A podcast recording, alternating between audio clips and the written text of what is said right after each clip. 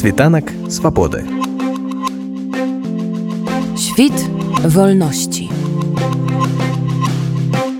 На мінулым тыдні прадстаўнік аб'яднанага пераходнага кабінета дэмакратычных сілаў беларусі у замежных справаў валер кавалевскі знаходзіўся ў киеве з працоўным візітам. Учора якраз напярэдадні свайго ад'езду з кіева ён даў адкрытую прэсавую канферэнцыю медыяцэнтры украіна укрінформ але адмыслова для світанку свабоды спадар кавалевскі распавёў пра вынікі сваёй паездкі ва украінскую сталіцу рэакцыі на спробы дыскрэдытацыі дэмакратычных палітыкаў і планы надалей А, ну літаральна один тыдзень я тут правёў сёння я з'язджаю ўжо ў вільню мэтамі было праінфармаваць пра дзейнасць кабінета а пра наши задачи про тыя мэты якія мы ставім перад сабою сваёй дзейнасці таксама абмеркаваць прапанову Светланы ціхановскай аб стварэнні альянса паміж дэмакратычнай беларусю і украінай высветліць якія могуць быць супольныя інтарэсы якія могуць быць супольныя задачи паміж намі і паглядзець што сёння мы можемм зрабіць дзеля вырашэння праблем сённяшняга дня і а што мы мы можем зрабіць на будучае кантэкст гэтай поездки супаў з абвастрэннем сітуацыі даволі рэзкім даволі хуткім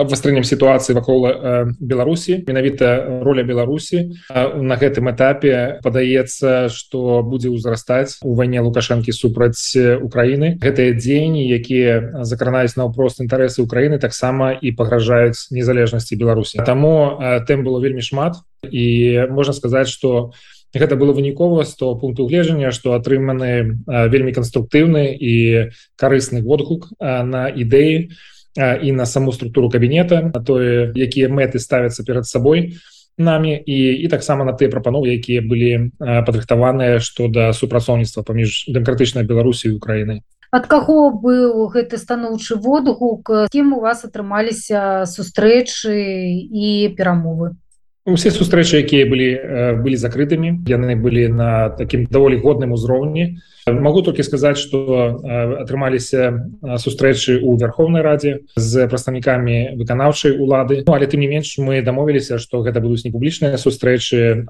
водгук у цэлым быў па-першае карысным по-другое у, у шмат таких момантах станоўчым што да дзейнасці кабінета да тых мэтаў якія ставяцца перед нами Ну вось дарэчы да абвастрэння апроч абвастрэння такога знешняга унутры Украіны апошнія некалькі тыдняў вакол Беларусі пачалася такая ну можна ўжо назваць інфармацыйная кампанія альбо нейкая хваля калі раней украінскія дэпутаты нібыта не заўважалі лідараў дэмакратычнай Беларусі то зараз некаторыя дэпутаты Верховнай Рады ўжо выказваюцца нават можна сказаць за урад і кажуць што ўрад Украіны не ніколі не прызнае Святлану ціхановскую і што украінскаму ўраду варта супрацоўнічаць ну напрыклад з кімсьці з прадстаўнікамі палку каліноўскага Э, так мы конечно заўважылі гэтыя заявы яны якраз супалі з маім знаходжаннем тут ва ўкраіне мы павінны разумець что зараз Украіна украінскія ўлады і грамадства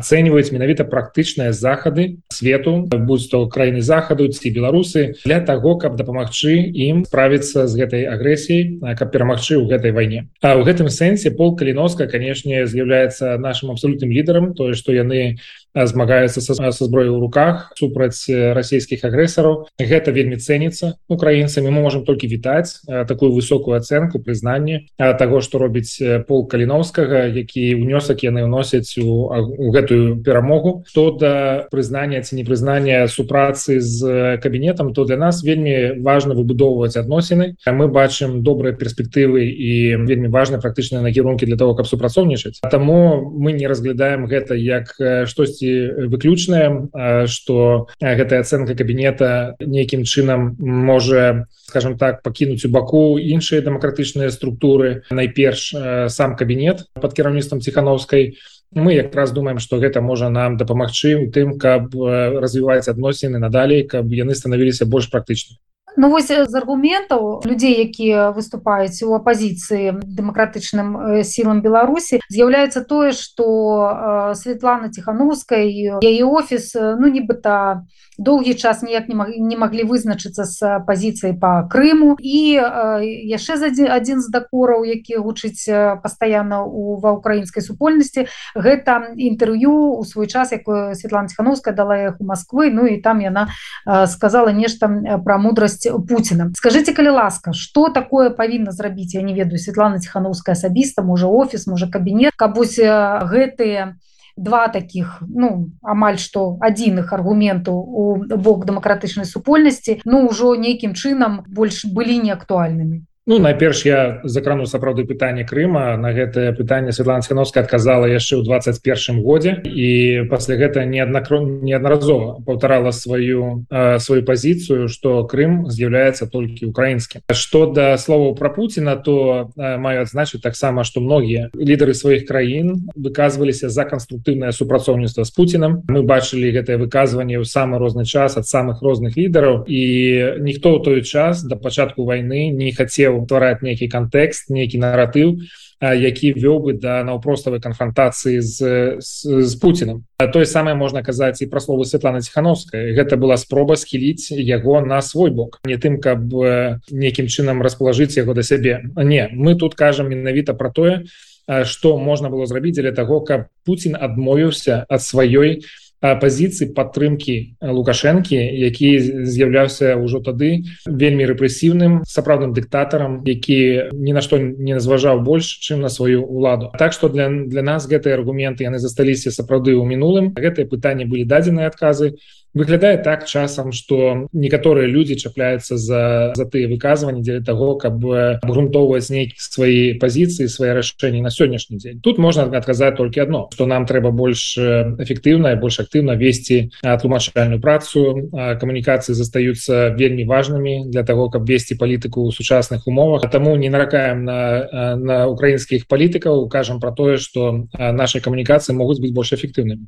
цягам прэс-канферэнцыі якую вы далі у Киеве вы некалькі разоў упэўнена паўтаралі тэзіс аб тым что беларускі народ не хоча удзельнічаць у вайне і нават і вайсковыя беларускія не хочуць выконваць загады і таксама не хочуць удзельнічаць у вайне супраць Украіны. На чым грунтуецца такая ваша упэўненасць на тым что беларускі народ сапраўды не хоча гэтай войны і по тых апытаннях які мы бачылі ад пачатку войны По той рэакцыі якую мы бачылі ад беларускіх вайсковых конечно яна не публічная яна закрытая інсайдер але тым не менш мы заўсёды бачылі антываенную пазіцыю беларусаў увогуле мы ведаем что это лічы наша нацыянальная ідэя адмаўлення войны як спосабу вырашэння нейкіх канфліктаў Таму можна про гэта заўсёды казаць упэўнена что беларусы гэта не прыемлюць іншая справа что конечно на сённяшні дзень беларусы не заўсёды валодаюць інфармацыяй про тое что адбываецца в Украіне яны знаходзяцца под вельмі многія з іх не все конечно дзяку Богу знаходзяцца под уплывам прапаганды лукашэнкі і Росіі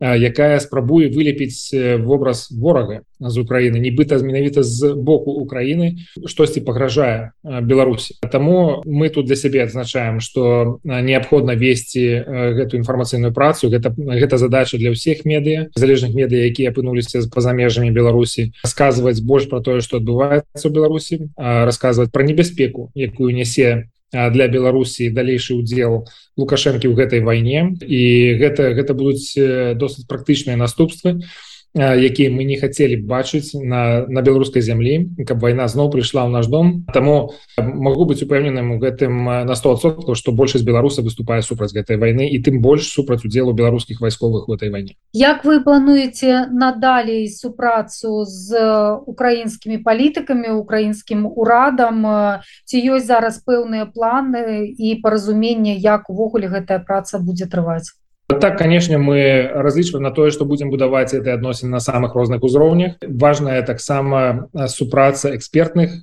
супольнасцяў беларусі украины. Мы реалісты мы разумеем что не так блізка наши экспертные грамадзянскія супольнасці былі ўвесь гэты час у мирный час. Тым больше на гэтым этапе вельмі вельмі важно ведаць і разумець адзін аднаго лепш і такая праца і экспертная і камунікацыйная на ўзроўні журналістаў яна вельмі важная. Что что до палітычных структур то будем працягваць контакты з верховной радай і з выканаўчымі структурамі дзеля того каб прыходзіць да того разумення якія наступныя крокі мы можем зрабіць. Потому что ёсць упэўненасць у тым что Беларусь могла б рабіць значна больш. Я маю на увазе дэмакратычна Беларусь могла б значна больш рабіць для Украіны калі б мы рабілі гэта разам. Калі б у нас была палітычная падтрымка арганізацыйная дыпламатычная міжнародная. Гэта ўсё што дадае нам дадатковай дынамікі дадатковых магчымасцяў для для дасягнення тых мэтаў якія вельмі важныя і для Беларусі і для Украіны. Найперш абарона незалежнасці наших краін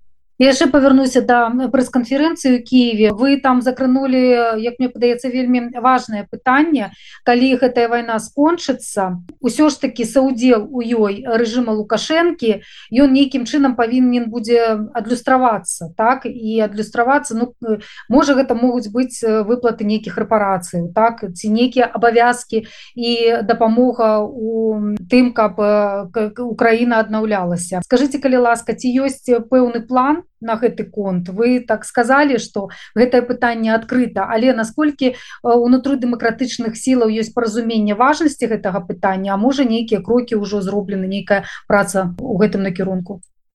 Ну вы ведаеце самае галоўнае што есть разуменне таго што мы не будзем ухіляцца ад адказнасці бо зно жа згодна з міжнародным правам Беларусь на сённяшні дзень падпадае под вызначэнне агрэсара. Разам з тым пры разглядзе гэтае пытанне мы будзем нагадваць про тое что Беларусь знаходзіцца под унутранай акупацыі з двадцатого года что гэтая акупацыя паглыбілася і ускладнілася пасля таго як расійскія войскі зайшлі нашу тэрыторыю без удзелу беларускага народа без дазволу. Тое что пачалася вайна з нашай тэрыторыі гэта таксама было зроблена абсалютна без абмеркавання з беларусамі які з'яўляецца крыніцай улады згодна з канстытуцыяй. То бок мы назіраем что тое что адбываецца тыя рашэнні якія прымаюцца ад імя Беларусі ніякім чынам імя Беларусі не адлюстроўваюць.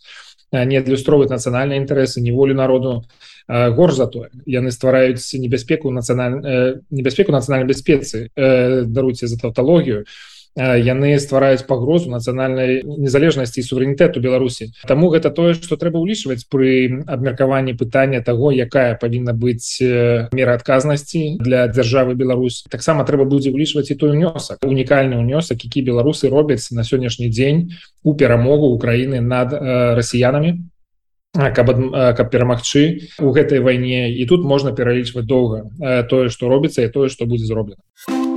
Світанак свабоды. Świt wolności.